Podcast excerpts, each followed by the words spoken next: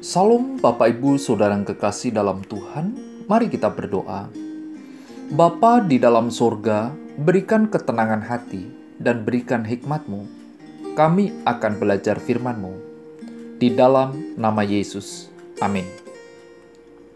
Tema renungan hari ini, jangan seperti orang munafik. Matius pasal 7 ayat 5 berkata, Hai orang munafik, keluarkanlah dahulu balok dari matamu, maka engkau akan melihat dengan jelas untuk mengeluarkan selumbar itu dari mata saudaramu. Arti kata munafik adalah berpura-pura percaya atau setia kepada agama dan sebagainya, tetapi sebenarnya tidak suka selalu mengatakan sesuatu yang tidak sesuai dengan perbuatannya.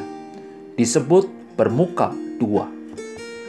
Bersikap kejam atas kesalahan orang lain dan bersikap lunak atas kesalahan diri sendiri merupakan suatu tindakan kemunafikan. Hai orang munafik, orang yang pura-pura diperbuat oleh orang semacam itu merupakan musuh bagi saudaranya. Bagaimana bisa berkata kepada saudaramu untuk memperbaiki dirimu? padahal dirinya sendiri tidak ada niat memperbaharui.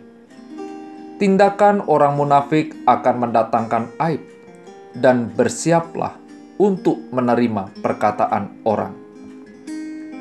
Tuhan Yesus mengajar dan menunjukkan bahwa kita perlu menggunakan kapasitas penilaian kita dengan baik asal tidak munafik.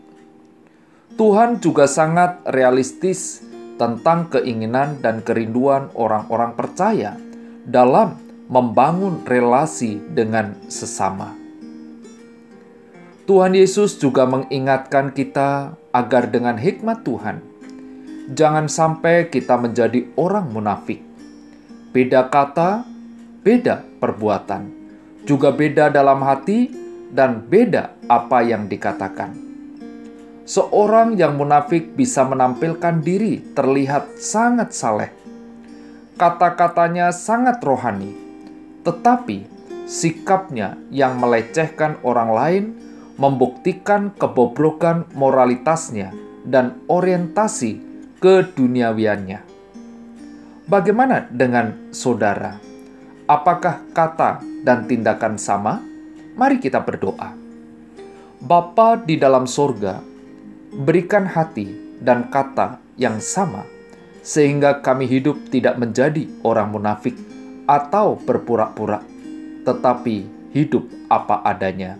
Di dalam nama Yesus, amin.